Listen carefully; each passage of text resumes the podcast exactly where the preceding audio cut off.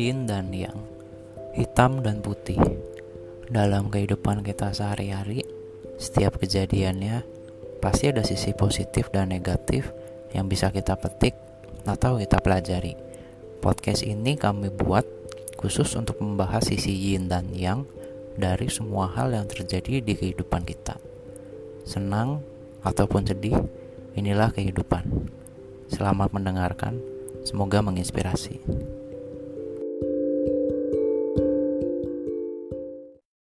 Oke guys, baik lagi ke podcast dan Yang bersama gue Yuda. Dan saya Nabil. Dan ini kita episode yang ke-17 ya Mas, ya? Bener nggak? Uh, minggu ini ke-17 yuk. Nah, bener kan? Gue udah udah mulai nggak lupa udah mulai nggak lupa ini nih. Nggak lupa apa ingetan nih udah inget nih sekarang. Ya. Biasanya lupa lupa terus tuh. Tapi ya ini apa nggak berasa ya mas ya? Libur tau tuh udah bisa aja ya. Ya ini udah minggu-minggu. Orang pada berangkat kerja sih rata-rata iya ini udah udah tanggal berapa ini sekarang coba udah udah bentar lagi masuk ini ini udah di awal bulan bentar lagi masuk bagi oh. yang mendapatkan cuti dan libur bersama, tetapi nggak berlaku ya. untuk orang-orang yang masih kerja selama Idul Fitri, Lebaran gitu. Betul. Jadi orang yang cuman menikmati libur tanggal 2 sama tanggal 3 aja lah ya. Betul. Saya tetap masuk ya oh ya udah seperti nggak ada bedanya lah ya. Dilema sih Yud, nah, sebenarnya. Nah, di episode minggu ke ini Mas Nabil dan juga teman-teman ini kita mau bahas tentang fenomena nih yang kayaknya di beberapa waktu belakangan ini lumayan marak terjadi dan lumayan marak juga nih diperbincangkan di sosial media. Apa itu? Itu adalah banyaknya orang atau para karyawan atau pekerja yang resign setelah THR atau setelah hari raya lebaran. Ini dia ini, yang kita cari-cari. Macak si anjing, sumpah. Tapi coba ke Mas, kalau menurut kamu sendiri gimana kalau orang yang resign nunggu pas THR. Jadi dia dapat dapat duit THR dulu baru dia resign. Menurut kamu gimana orang yang Ya, gitu? ini kayak pantun aja yuk nyanyian yang ID card baru alhamdulillah. Tidak ada kayak ada lagu kayak gitu. Lebaran. Tak punya pun tak apa-apa masih ada ID card lama. Berarti itu buat orang yang resign tapi gagal ya. iya, iya gagal karena ya, mungkin lagi pandemi juga, terus gaji juga kurang memungkinkan sih. Ya, ini terus kalau menurut kamu sendiri gimana nih orang-orang yang seperti ini? Apakah maksudnya apakah bisa diterima jalan yang mereka ambil untuk resignnya nunggu THR atau sebenarnya menurut kamu kayak kok orang gini banget ya merhatiinnya duit duit melulu maksudnya kalau memang udah nggak betah udah kinerjanya udah nggak bisa maksimal dari kemarin-kemarin, kenapa nggak keluar dari kemarin-kemarin gitu loh. Nah kalau menurut kamu gimana? Uh, uh, uh, mereka sih nggak ada masalah di di kategori manusiawi lah ya. Ya kayak hal yang biasa, cuman resignnya memang kebetulan tepat di THR atau setelah gaji ke-13. Bukan kebetulan, itu sih bukan kebetulan, Mas. Emang udah direncanain. Emang udah direncanain mana ya. Ada yang begitu. Iya. Iya, mana ada yang begitu kebetulan.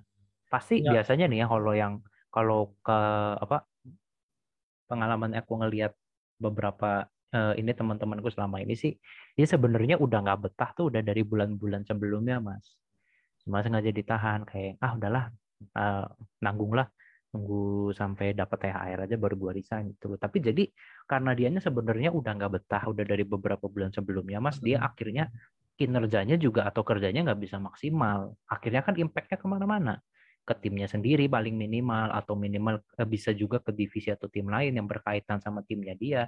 Jadinya kerjaan juga nggak 100% maksimal kan di kantor kan. Tapi ya, ini si, si berdebah ini nih bertahan sampai nunggu resign gitu loh maksudnya tuh. Kan ada sisi egoisnya juga dong berarti. Betul nggak sih? Ya, itu kalau memang usernya sendiri nggak betah dengan pekerjaan ataupun kantornya ya Yud ya. Tapi kalau Betul. di sisi lain ada juga sih alasan motivasi kenapa dia resign menunggu THR ya karena yang pertama udah dapat Betul. kerjaan yang lebih bagus, cuman memang bisa tahan jadi. Biar bisa dapat income yang double nih dapat THR itu sah-sah aja ya menurut menurutku ya Yud menurut kita juga fine aja sih cuman ya strateginya oke juga nih gitu loh. Strateginya oke. Iya, lucu sih cuma kalau menurut aku ya soalnya aku belum pernah mengalami case seperti itu sih Karena dulu pas di kantorku yang lama, justru aku keluarnya sebelum THR karena mau nunggu sampai THR waktu itu tuh itu kondisinya kan masih bulan sekitar Juli atau Agustus ya di, di yang uh, ini kantorku yang lama ya Mas ya. Hmm. Ketika aku resign. Itu tuh masih sekitaran bulan Agustus. Nah, pas yang di kantorku yang lama itu, aku THR-nya masih mengikuti KTP. Hmm. Jadi masih um, karena aku kafir agamanya jadi masih di Natal dapat uh, ini THR-nya kan lumayan tuh masih harus nunggu 3 sampai empat bulan lagi kan aku, tapi waktu itu aku di kondisi udah sudah tidak kuat mental untuk bekerja di situ lagi akhirnya akhirnya waktu itu aku mikir anjir kalau gua tahan 3 sampai empat bulan lagi iya dapat THR cuma gua keburu gila apa enggak ya kalau nunggu segitu lama. Akhirnya waktu itu aku memutuskan ya udahlah gua masih sayang mental health dan gue percaya gue juga apalagi gue laki-laki dan waktu itu masih muda juga yakin lah pasti masih bisa dapat kerjaan di tempat lain yang lebih baik kan. Akhirnya gue keluar tiga atau empat bulan sebelum dapat THR gitu loh. Nah maksud aku kan harusnya orang-orang juga bisa memperhatikan hal-hal itu nggak sih mas gak harus mereka kayak oh demi duit demi demi dapat THR demi dapat duit lebih demi dapat gaji ke 13 sudahlah gue tahan dulu aja deh uh, apa mental health yang gue coba di uh, ini kesampingkan dulu deh tunggu tunggu beberapa bulan lagi sampai dapat baru baru gue keluar gitu loh. Nah maksud aku itu sih yang harus hmm. maksudnya bisa case by case lah ya tergantung orangnya gimana betul Iya iya sih case by case karena kan nggak semua orang mereka di luar sana tuh kayak ya salah satunya kayak kamu Yud kayak butuh amat lah orang masih muda kok bisa ekspor sana sini yes, meskipun betul. ada gaji yang lebih dikit yang penting bisa kerja lah nggak apa-apa yang penting mental health, mental health kita aman sehat nah, tapi nggak nggak semua orang bisa memikirkan seperti itu sih Yud. Ada tanggungan atau beban yang harus mereka orang-orang tertentu yang harus diambil alih bebannya. Misalkan kayak kamu kan nggak bisa resign karena memang masih ada proyek yang harus kita selesaikan. Okay. Itu yang pertama tuh. Jadi okay, resignnya itu menunggu proyek nyampe beberapa bulan ke depan melewati masa THR, masa kecil ke-13 baru bisa resign ya. tuh. Nah, yang kedua menurutku sih kayak orang yang udah berkeluarga yud mungkin um, ah, ya, itu. mengorbankan uh, psikologi atau mental health-nya itu hanya karena biar dapat THR keluarga lah ya aku iya, resign iya, bisa betul, hidup dua bulan tuh gaji THR-nya nah itu ada indikasi ya gitu terus betul, ya, make sense. iya dan make sense juga sih betul betul yang ketiga yaitu kembali ke alasan opini yang awalmu tadi kayak uh, sebenarnya sih udah dapat kerjaan yang oke okay sih. Cuman nanggung nih, gue males nih. Sekalian aja lah THR, butuh amat. Nah itu. Betul. Supaya sebenarnya ada hitung-hitungannya sih Mas kalau secara sederhana ya, secara teori sederhana karena kalau misalnya kita pas resign itu pas THR ya kan. Hmm. Terus kalau misalnya kita rezekinya lancar, kita langsung dapat kantor baru dalam waktu dekat. Yeah. Berarti kan di kantor baru kita nanti itu nanti pas tahun depan, pas hari raya lagi kan kita udah bisa nikmatin THR lagi meskipun masih proret ya, belum full belum full satu kali gaji, tapi kan lumayan kan. Mungkin itu kali ya yang salah satu yang diincar kali ya. Betul, hitungannya juga pas sih. Jadi proretnya itu ngepasin enam bulan gitu loh. Iya, uh -uh, betul. Iya sih, ide ide bagus sih. Cuman uh, ini kayaknya kemarin kita sempat nemu ini beberapa thread menarik ya Mas ya yang ada di yang ada di um, ini Twitter nih soal apa namanya uh, fenomena resign pas dapat THR ini ya Mas ya. Mm-hmm. Dan, banyak juga nih yang curhat di sini nih. Ya dan kebetulan ya faktor-faktor resign itu ya, ya kita balik lagi ke pembahasan kenapa sih orang-orang pada resign setelah mm-hmm. THR, setelah kita tanyakan ke ya. teman-teman, yeah. uh, mostly sih mm-hmm. karena mereka mulai nggak nyaman, dikarenakan apa sih yang itu kan kita juga cari tahu. Ya, ini ada yeah. salah satu thread yang mereka bikin nih, yang para pendengar mm-hmm. share ke kita. Itu dari okay. akun TXT dari akuntansi. Nah, captionnya ini nih. Lu pada yeah. inget ya laptop tetap di bawah, kata audit manager. Nah, lo mutik pun laptop di bawah. Mudik Cot 2022 Mudik Cot tuh apa mudik bacot? Iya, mudik cerot. Mudik bacot eh kok cerot sih? Kok cerot anjir lu lagi puasa lu cerot cerot cerot cerot aja. Ya, indikasinya kayak gitu sih faktornya sih. Jadi ketika itu nama mudik keren sih. B gitu loh. Mudik, liburan, libur panjang tetap bawa laptop. laptop. Yang nggak libur itu ya. Berasa kayak nggak libur dong. Tapi memang itu fenomena yang harus kita hadapin selama kita masih kerja di Indonesia, gitu. Ah, masa sih? Loh, iya. Emang semuanya bakal begitu ya rata-rata ya?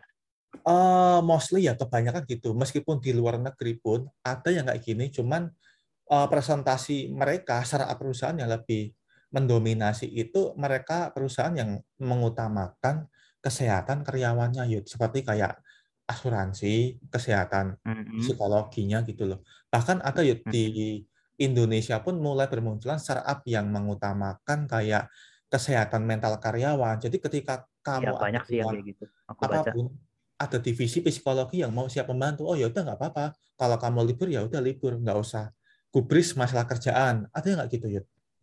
Oh, mantap sekali tuh kayaknya kalau bisa kerja di situ. Nah, itu dia ada kok mulai startup di Indonesia tuh mulai mengadaptasi culture budaya startup di luar negeri yang uh, bikin kita tuh sehat untuk bekerja meskipun kita gajinya dikit ya gitu loh. Hmm, tapi kalau gaji dikit juga wah hari-hari ribet juga sih ya.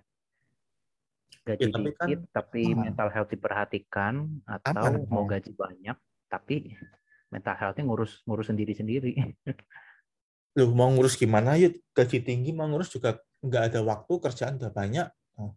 nah iya itu maksudku maksudnya maksudnya kantor nggak nggak mau peduli lah gitu kan kasarnya mm-hmm. Jadi kita hmm. harus bisa ngurus mental health sendiri wah dilema juga sih tapi kalau misalnya kamu dikasih pilihan gitu mas kamu pilih yang mana apakah bekerja di perusahaan yang pertama di mana itu akan sangat memperhatikan mental health-nya kamu ada bimbingan konseling misalkan mm-hmm. ada jatah entertain atau apa segala macam tapi gajinya nggak terlalu gede. Atau kerja di perusahaan kedua nih yang gajinya gede gede banget lah at least. Uh, gitu ya mungkin bisa dua atau tiga kali lipatnya perusahaan yang pertama. Uh. tapi ya itu karena perlu karena kerjaannya numpuk numpuk numpuk numpuk kamu nggak di apa namanya ibaratnya mental healthnya kamu harus ngurus sendiri lah. Si ini kantor nggak akan mau peduli. Nah kamu kalau kamu dikasih pilihan kayak gitu mending kerja di tempat yang mana? Uh, kalau yang opsi kedua itu lingkungannya toksik nggak? Kalau nggak toksik ya oke okay lah yang kedua untuk hidup ya. katakanlah ya. enggak deh katakanlah ke lingkungannya sebenarnya enggak ini toksik jadi teman-teman kerjanya oke bosnya juga oke cuma memang kerjaannya banyak banget aja jadi kayak nggak ada waktu untuk rehat tuh ya sama lah kayak yang tadi dicurhatin sama teman kita di um, apa Twitter tadi bahwa libur aja harus bawa bawa bawa bawa laptop gitu loh sama kalau di kalau di tempat kerja seperti itu masih terima apa enggak tapi gajinya tinggi nih tapi kerjanya kayak gitu oh, oke okay selama masih bisa dikondisikan, aku sih terima ya. Cuman untuk saat ini uh, hmm. kondisi fisik prefer yang pertama ya. Kenapa? Entah kenapa. Iya. Karena udah mulai uh, tua ya mas gitu ya. Terlepas dari kesehatan mental itu diprioritaskan perusahaan, itu menjadi indikasi penting ya untuk kita berkembang. Jadi uh, oke okay deh kita coba ya, aja Uh, menempati posisi di mana semua ide-ide kamu tuh ada yang menampung, ada yang mengeksekusi, dan ada yang mau hmm. mendengarkan di perusahaan tersebut. Wah. Ketika nggak didengarkan pun, kamu lagi hmm. stres, ada tempat divisi untuk uh, menstabilkan psikologi kita, kesehatan mental kita ketika lagi stres sih. Perusahaan lagi ya. lagi ada cekcok gitu loh. Meskipun gaji ya. dikit, tapi kan kita pulang rumah tuh lega, bisa nyambi kerjaan freelance yang lain. Happy lah ya. Happy, passive income pun jalan gitu loh. Itu lebih oke okay sih Yud untuk ya. dipilih. Ya, ada betulnya sih. Cuman ya sebetulnya itu ada betulnya ya Mas. Ya kayaknya kalau misalnya bisa bekerja di tempat yang seperti itu juga kayaknya oke okay sih. Soalnya jujur nih so far um, di pengalaman aku kerja yang udah tahun kelima sekarang belum pernah sih aku mencicipi lingkungan kerja yang seperti itu. Maksudnya kayak yang mental health benar-benar diperhatikan, ada biayanya sendiri dari perusahaan, ada ada um, jatahnya gitu loh. Kayaknya belum pernah sih. Ya udah, yuk kita resign yuk habis THR kan nih. Cari perusahaan yang kayak gitu. Nah, nanti dulu main resign resign aja. Gua nih banyak udah banyak ini Mas, udah banyak ini cicilan meskipun belum menikah, belum punya istri, belum punya anak tapi udah lumayan nih apa cicilan tiap bulan nih jadi nggak bisa langsung asal resign begitu aja hmm. oke okay. perhatikan dulu benar-benar harus dihitung dulu benar-benar nih kalau mau resign ntar gua kuat berapa bulan sampai dapat kerjaan baru karena ya uh, alasannya balik lagi ke itu sih Yud, kesehatan perusahaan sih. Kadang Sehat kayak kita mau kita mau beli Oh iya, iya benar-benar. Oh, kita kalau mau beli saham atau beli produk lah, kita kan juga harus uh, apa ya melihat analisa ini yang mendirikan perusahaan siapa sih, SDM-nya siapa sih yang ikut dalam menganalisa perusahaan itu kok bisa maju seperti, sampai seperti ini. Ketika kita udah hmm. tahu nih foundernya siapa, terus kita juga lihat ada skandal enggak, terus di akun-akun forum juga aman enggak. Di situ kan kita mulai merasa nyaman untuk membeli ya. saham perusahaan itu terlepas dari kalkulasi apa ya perhitungan kok nilai value-nya tinggi ya. Nah, kalau udah kayak gitu kan ya. kita juga nyaman. Oh, kerja di sini lingkungannya sehat juga nih. Jadi ketika gaji dikit atau stabil pun yang ada sih karyawan nggak akan resign kok setelah THR gitu. Yang ada mereka akan resign dikarenakan mereka ingin mengembangkan bakatnya lebih lanjut di tempat yang lain. Nah, itu alasan utama sih, bukan alasan dikarenakan oh THR-nya udah cair nih, aku udah mulai ngerasa nggak nyaman nih, resign ah, ini waktu yang tepat nih gitu loh. Iya, hmm, ya itu ada betulnya juga sih ya. Cuman ya intinya balik lagi lah kalau misalnya memang mau atau ada berencana untuk resign setelah dapat THR ya sebenarnya sah-sah aja sih ya cuman ya. ya harus dibalik lagi ya diperhatikan lagi entah itu perhatiin perhatikan ke kemampuan diri sendiri misalnya kayak oh dari gua dari gua dapat THR nih terus gua resign sampai gua dapat kerjaan baru atau dapat sumber penghasilan baru tuh kira-kira jaraknya bakal berapa lama sih dan duit di tabungan gua ini cukup apa enggak itu yang pertama Terus yeah. yang kedua yang harus diperhatikan juga kan kalau memang kita pengen resign abis kita THR, make sure kalau bahasa kerennya nih Mas ya yang yang sering banget gue dengar adalah usahain ketika kita masuk ke suatu tempat termasuk tempat kerja, ketika kita masuknya baik-baik, usahakan keluarnya juga baik-baik. Dalam arti ya kalau lu mau resign resign nggak apa-apa, tapi harus tetap mematuhi aturan-aturan yang berlaku lah kayak misalnya harus tetap one man notice, harus semua kerjaan udah beres dulu, terus lu jangan sampai ngebocorin rahasia perusahaan dan yang lain dan yang lain-lain. Maksudnya jangan sampai lu ada rencana resign ketika udah dapet THR tapi sebulan sebelumnya lu nggak ngomong dulu, nggak ngomong ke atasan, nggak ngomong ke HRD, nggak ngomong ke manajemen. Tahu-tahu pas sudah dapet THR hari itu ngajuin ngajuin surat resign dan berharap hari itu terakhir. Wah, itu lu nyari ribut namanya. Harus tetap ada notis lah sebulan sebelumnya gitu loh. Karena Uh, terus juga harus diperhatiin lah kita kerjaan harus sudah beres semua. Jangan sampai ninggalin PR buat yang anak-anak anak-anak baru nanti gitu kan maksudnya. Iya sih. Intinya sih kita harus ninggalin ninggalin legacy yang bagus dan sopan untuk perusahaan sih. Yes setuju banget sih. Dan apa namanya mas kalau boleh di kalau boleh uh, mungkin kita sedikit sharing ya kayaknya di perusahaan kita juga tahun ini lumayan ada nggak sih mas yang resign ya? Pas dapat THR kemarin ya? Ada beberapa lah ya. Ada beberapa tapi dengan masih dengan alasan yang masuk akal dan logis ya setauku. Iya, tapi kalau ya kalau menurut aku pribadi ini so sorry nih mungkin untuk teman-teman yang tersinggung apa gimana cuma kalau buat aku sendiri sih jujur ya di aku kan ngelihat list yang kemarin teman-teman kita yang resign pas dapet THR kemarin kalau aku lihat list namanya sih kalau buat aku pribadi ya nggak akan terlalu pengaruh juga sih sama perusahaan karena untungnya orang-orang yang kemarin resign itu orang-orang yang gak terlalu berguna juga.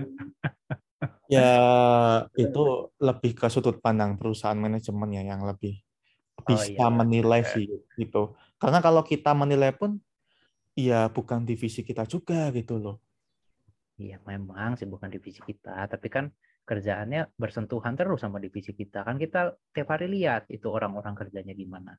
Ya kita tahu lah lebih kurang alasan mereka resign apa kan tapi ya jangan dibongkar di sini lah udah biarin aja ya itu jangan memang pentingnya manajemen perusahaan sih yang manage ketika memang uh, sudah ada oh ini orang-orang mau keluar nih resign nih ya udah dari situ dari sisi manajemen juga harus menyiapkan untuk SDM yang masih bertahan dan juga oh. untuk SDM yang baru tuh mau diapain gitu loh biar tahun depannya itu nggak ikutan resign setelah THR gitu loh jangan resign berjamaah setelah dapat THR.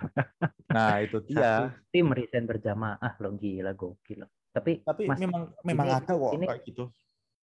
Eh, banyak. Ya ini buktinya kejadian di kantor kita. Cuma gini Mas, kalau aku lihat ya, um, ini sih kalau buat buat aku ya itu ini menjadi salah satu bukti lagi aja sih dan juga aku juga baca di salah satu um, apa postingan atau um, ini curhatan lah ya curhatan hmm. dari salah satu uh, manajer di ini kantor kita uh-huh. dia nulis status di sosmednya dia intinya gini itulah kenapa pentingnya kalau kita pengen ngerekrut karyawan baru atau ngerekrut orang buat masuk ke suatu tim atau suatu divisi di kantor kita pastiin orangnya itu soft skillnya bagus hard skill jelek nggak apa-apa deh hard skill bisa dilatih yang penting soft skillnya bagus. Itu gue itu gue ngakak sih bacanya. Kayak yang ah ini mah gue udah tahu dari dulu gitu loh maksudnya. Hmm, mungkin ini ya. Uh, aku lebih ke menilai gimana sih ketika kita udah masuk ke perusahaan kita bisa apa ya mengontrol juga perusahaan itu. Jangan kayak sense of belonging yang tinggi tetapi nah, kita nggak bisa banget. mengontrol perusahaan itu juga tempat kita bekerja. Jadi ketika kita nggak mau meng, udah kita nggak bisa mengontrol kita cuek bodoh amat di situlah soft skill kita udah mulai turun di situ. Yang pada akhirnya kalian kita mau resign pun setelah THR atau resign kapan pun ya nggak berpengaruh juga kok nggak penting juga gitu loh buat kita gitu sih. betul betul. Wah itu ini kalau di kalau dibahas bisa jadi satu episode sendiri tuh ngebahas yang soal begituan tuh.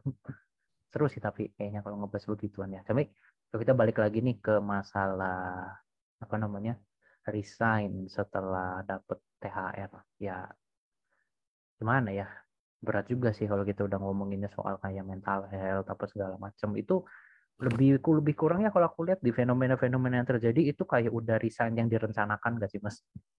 Ya, kayak maksudnya si, sisi orangnya tuh udah kayak udah pengen resign dari bulan-bulan lalu sebetulnya cuma dia kayak tahu kayak wah bentar lagi gue dapet ini THR udahlah di ini tahan aja lah gitu kan pasti lebih kurang. Tapi itu memang momen paling tepat Yud terlepas dari Ayo. orang itu bermasalah atau memang orang itu udah punya rencana memang paling tepat ya setelah dapat THR mau kapan lagi cuy ya harusnya sih kalau kita bicara timing ya timing yang paling pas ya adalah ketika lu merasa perusahaan itu sudah tidak menghargai lu dan lu mental health-nya terganggu di situ. Iya, ya, kalau, betul. Kalau kita bicaranya cuma timing doang ya, ya itu timing paling pas. Tapi kan balik lagi orang mungkin mikirin gue butuh duit buat bayar cicilan, butuh duit buat ngasih orang tua apa segala macam. Jadinya nggak bisa langsung resign begitu aja. Cuman ya gue nggak tahu ya karena kan gue nggak terlalu dekat juga sih sama teman-teman kita yang kemarin resignnya cuman so far sejauh aku kenal mereka sih harusnya mereka nggak terlalu mikirin banget finansial nggak sih? Maksudnya kan banyak juga yang masih tinggal sama orang tua apa segala macam mungkin masih dibiayain juga sama orang tua. Terus nggak resign dari kemarin-kemarin dah? Nah itu ada faktor kayak gitu juga tuh Yud yang kita pernah dengar yang kamu ceritain barusan. Ada faktor orang-orang yang resign hanya untuk menunggu uang tambahan, sedangkan di sisi Anjir, finansialnya pun sebenarnya udah stabil yang kamu omongin barusan gitu loh. Udah ada kan stabil. Kan orang yang kayak gitu. Ada, udah nggak terlalu butuh uh, apa ya gaji banget karena mereka udah bisa mandiri secara finansial, secara keluarga. Cuman hmm. orang-orang hmm. itu menunggu momen yang tepat untuk resign hanya karena agar bisa lebih punya modal untuk mendapatkan pekerjaan yang lain gitu loh. Hmm. Ada yang ya. kayak gitu. Ya, kalau aku mah yakinnya ada ya. Pasti ada lah. Sekarang ya sekarang kalau kita fair-fairan aja, semua orang yang kerja kantoran belum tentu semua orang yang dalam um, apa tanda kutip belum tentu semua semua orang itu adalah orang yang butuh duit kan betul kan? Maksudnya butuh duit itu maksudnya dalam arti bukan berarti orang yang kalau nggak kerja nggak makan atau kalau nggak kerja nggak bisa bayar cicilan atau nggak bisa nafkahin keluarga segala macam pasti adalah orang yang kayak gitu. Maksudnya dalam arti dia kerja di kantor itu memang cuma buat nambah-nambah uang jajan atau nambah-nambah buat buat dia belanja apa segala macam pasti ada pasti ada dan pasti banyak. Dan nah orang-orang seperti itulah tuh yang sasaran empuk buat resign kalau pas dapat THR. Dan juga ada yang kerja hanya untuk melengkapi profiling in youth selama satu tahun Anjing. itu ada banyak ada. banyak itu ada youth. Nah sekarang gini ada nih, ya? ada sekarang gini nih uh, kamu tinggal kerja di startup paling ternama, habis itu resign. Kamu mau hmm. nyaplok perusahaan lain pun agar apa ya agak lebih mudah itu loh. Karena kamu hmm. udah punya pengalaman satu tahun minimal, meskipun kerja di situ ya biasa-biasa aja gitu loh, nggak punya posisi tinggi. Hmm. Aduh, lucu sih. Maksudnya kalau aku ngebayangin kayak, kan aku juga baca berita, baca sosmed juga kan, termasuk yang kemarin uh, para pendengar kita sempat share juga kan aku bacanya kayak oke okay, uh, fenomena ini lu kayaknya marak marak terjadi ya kayaknya sih udah dari tahun-tahun kemarin juga kan cuman maksudnya kalau aku baca berita begitu tuh kalau pikiran negatifku bekerja adalah ah paling orang-orang yang desain ini juga sebagian besar dari mereka adalah sebetulnya orang yang gak terlalu butuh duit juga jadi kayak ya udah gue udah nggak betah gue mau keluar aja gitu kan Iya. Mungkin dia secara finansial juga masih diempeng sama orang tua.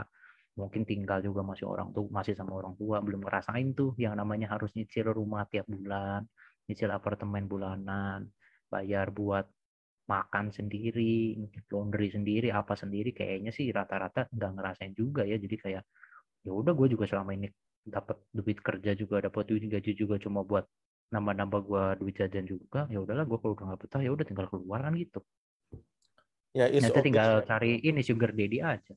Anjir. Ya, it's okay sih, nggak masalah ya. Masalah uh, resign setelah dapat THR ataupun gaji ke-13. Yang penting ya. setelah resign tuh apa sih legacy yang bisa kita tinggalkan. Jangan sampai kita resign, ya resign, resign aja gitu loh. Jadi kita nggak ada value-nya juga ya. untuk perusahaan itu.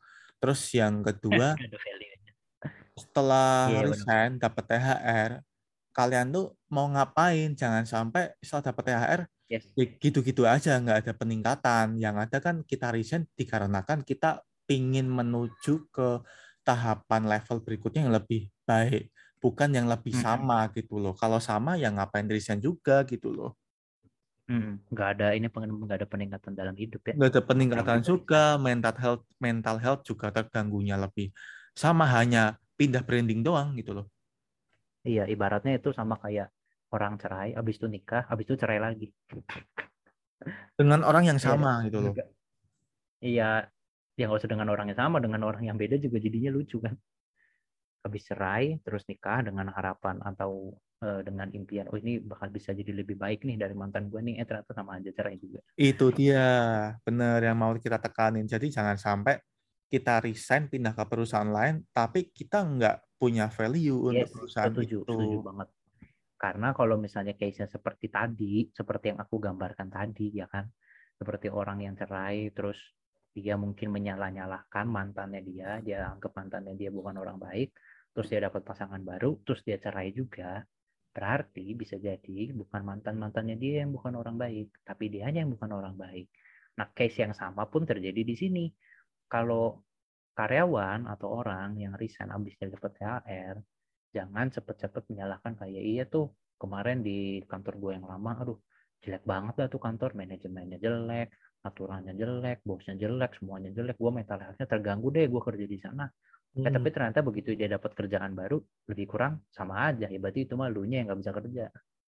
Nah, betul, betul. Masalah kantornya, lu nya yang nggak berguna atau mungkin ya memang orangnya ingin lebih mengembangkan potensinya cuman kok kenapa harus nunggu THR dulu nih gitu. Ya ada sih yang itu apa potensi apa potensinya di sugar daddy apa gimana? Ya bukan kayak potensi. Aku di sini kok kayak kurang dihargai ya. Itu ya kayak gitu. Potensiku kok kayak kurang dihargai di sini. Ya mending cabut aja deh. Habis THR ke perusahaan yang lebih bisa menghargai potensiku kayak gitu. Kadang ya perusahaan juga kadang toksik juga gitu loh kan. Tapi kan iya memang betul sih perusahaan atau man manajemen kadang toksik tapi kan kita juga nggak bisa tutup mata ya mas ya. Dari yang gak usah jauh-jauh deh. Dari teman-teman kita yang beberapa yang kemarin resign sih ya kalau aku sih no hard feeling ya dan gak ada bermaksud untuk subjektif ya. Aku mah uh, objektif aja bahwa sebenarnya kemarin kan rata-rata teman-teman kita yang resign pas sudah dapat THR kan bukan karena perusahaannya toksik kan emang mereka nya kagak bisa kerja? Uh, ya itu sudut pandang masing-masing sih. Kalau kasusnya case by case-nya seperti itu juga. memang keadaannya. juga. Iya, ada juga yang kayak temanku sharing tuh pernah tuh. Jadi perusahaannya itu tidak terlalu bisa menghargai karyawannya yang akhirnya beberapa karyawannya itu resign setelah ya. mendapatkan, ya. mendapatkan THR. Nah, dia itu pindah ke perusahaan yang lebih bisa menghargai tapi toksiknya juga lebih tinggi gitu loh. Ada yang nggak gitu Yud? Jadi uh, layaknya hmm. kita masuk karung, keluar karung, masuk karung yang lain. Cuman karungnya lebih bagus saja nih, itu loh. ya ya. Ya, ya pokoknya intinya banyak banget alasan lah ya atau pasti banyak banget hal lah yang bisa dibahas sebenarnya atau banyak banget hal yang terlibat sampai akhirnya seseorang memutuskan untuk resign pas banget atau bertepatan banget setelah dapat THR ya. Mungkin balik lagi kalau dari dari yang tadi kita bahas bisa jadi memang dia sebetulnya udah nggak betah dari kemarin-kemarin tapi butuh duit buat bayar ini itu jadi dia bertahan. Mm. atau misalnya kebetulan aja pas banget aja dia pas udah nggak betah pas banget juga dapat THR jadi ya udahlah pas gue dapet duit banyak juga dan gue merasakan ketidakbetahan di kantor ini akhirnya dia keluar. Atau bisa jadi sebenarnya dari kemarin-kemarin udah dapat tawaran kerja di tempat yang lebih baik cuma nunggu hmm. aja kan kalian one man notice ya banyak banget lah hal yang bisa terlibat di sana. Cuman balik lagi intinya adalah kalau memang teman-teman memutuskan untuk resign setelah dapat THR, ya monggo aja sih boleh silahkan itu kan hak kalian juga. Cuman ya tolong diperhatikan lah bahwa ya itu tadi balik lagi ya kalau dari beberapa hal yang kita bahas harusnya sih kalau teman-teman masuk ke suatu kantor itu baik-baik, usahain keluarnya juga baik-baik lah, jangan sampai cari ribut gitu kan. Iya, alangkah betul. betul. Alangkah baiknya juga kita bisa memberikan transisi kerja yes, iya untuk diri kita sendiri dan juga perusahaan dengan cara yang bagus sih. Jangan sampai kita tuh kayak seolah-olah resign setelah THR, tapi ngaku-ngaku ke THR-nya aku udah keterima nih di perusahaan yang lain ternyata belum memang nggak petah aja sama kantor itu. Ya ada juga yang mempermainkan diri Betul. seperti kayak oh dapat THR nih bagus deh habis itu aku resign terus aku ngandungin hidup ke keluarga lagi masih aman nih gitu loh. Alah parasit. Terus habis itu cari kerja lagi dan ya cari kerja transisinya itu lama lagi gitu loh ya. Jangan hmm, sampai ya. sih. Ya sama yang paling penting mas mungkin ini terakhir ya uh, apa pesan dari aku aja kalau memang mau resign hmm. pastiin sih harusnya kita udah bisa ninggalin legacy yang bagus ya untuk perusahaan sama hmm. untuk nanti anak-anak baru yang menggantikan jabatannya kita. Ya tapi mungkin beda cerita kalau ketika pas kita selama bekerja di perusahaan itu kitanya nggak berguna, nggak ninggalin legacy apa apa juga. Nah itu ya. Ya udah skip aja mas nanti panjang kalau kalau kalau bahas itu ya kan orang juga udah resign. Hmm. Oke, okay. mungkin untuk episode kali ini cukup sekian ya mas ya. Jadi sekali lagi baik lagi untuk teman-teman yang kemarin sudah merasakan THR terus habis itu pengen resign monggo silahkan tapi tolong oh, perhatikan semuanya jangan cuma merhatiin diri sendiri doang perhatiin juga perusahaannya dan juga teman-teman kalian yang atau tim-tim kalian juga yang mungkin ada di sana yang bak yang kira-kira bakal kena impactnya tolong diperhatikan juga terus apa namanya dan make sure sih yang salah satu yang paling penting juga ya masih ya, make sure aja kalau kalian memang pengen resign ke depannya kalian udah tau lah kalian pengen ngapain gitu kan jangan sampai habis resign malah nganggur, malah jadi benalu buat keluarga, yaitu kalian sampah sih. Ya itu poin penting banget sih yang bisa kita dengerin ya. Buat aku, buat kamu juga saran itu bagus dan harus benar-benar disiplin ya. Disiplin secara secara hidup Betul. ya harus disiplin juga yuk jangan sampai kita Iyalah. dengerin saran itu tapi kenyataannya eh tapi ini mending nih dapat THR nanti aja deh resignnya nunggu THR berikutnya ya kita selama menunggu itu hanya menjadi benalu untuk perusahaan aja gitu loh. Ya, ya intinya sih jangan jadi orang egois lah. Jangan ya. memperhatikan diri sendiri, jangan menganggap diri paling hebat, jangan cuma merhatiin perasaan diri sendiri. Kita hidup tuh manusia tuh makhluk sosial, jadi harus memperhatikan yang lain-lainnya juga. Jangan nyusahin hidup orang lain lah intinya begitu. Betul. Oke, mungkin itu aja Mas ya. Ini kalau dibahas kalau dibahas bakal panjang banget nih. Oke, uh, mungkin untuk episode ke-17 ini cukup sekian. Gue Yuda pamit. Dan saya Nabil pamit. Terima kasih guys. Bye-bye.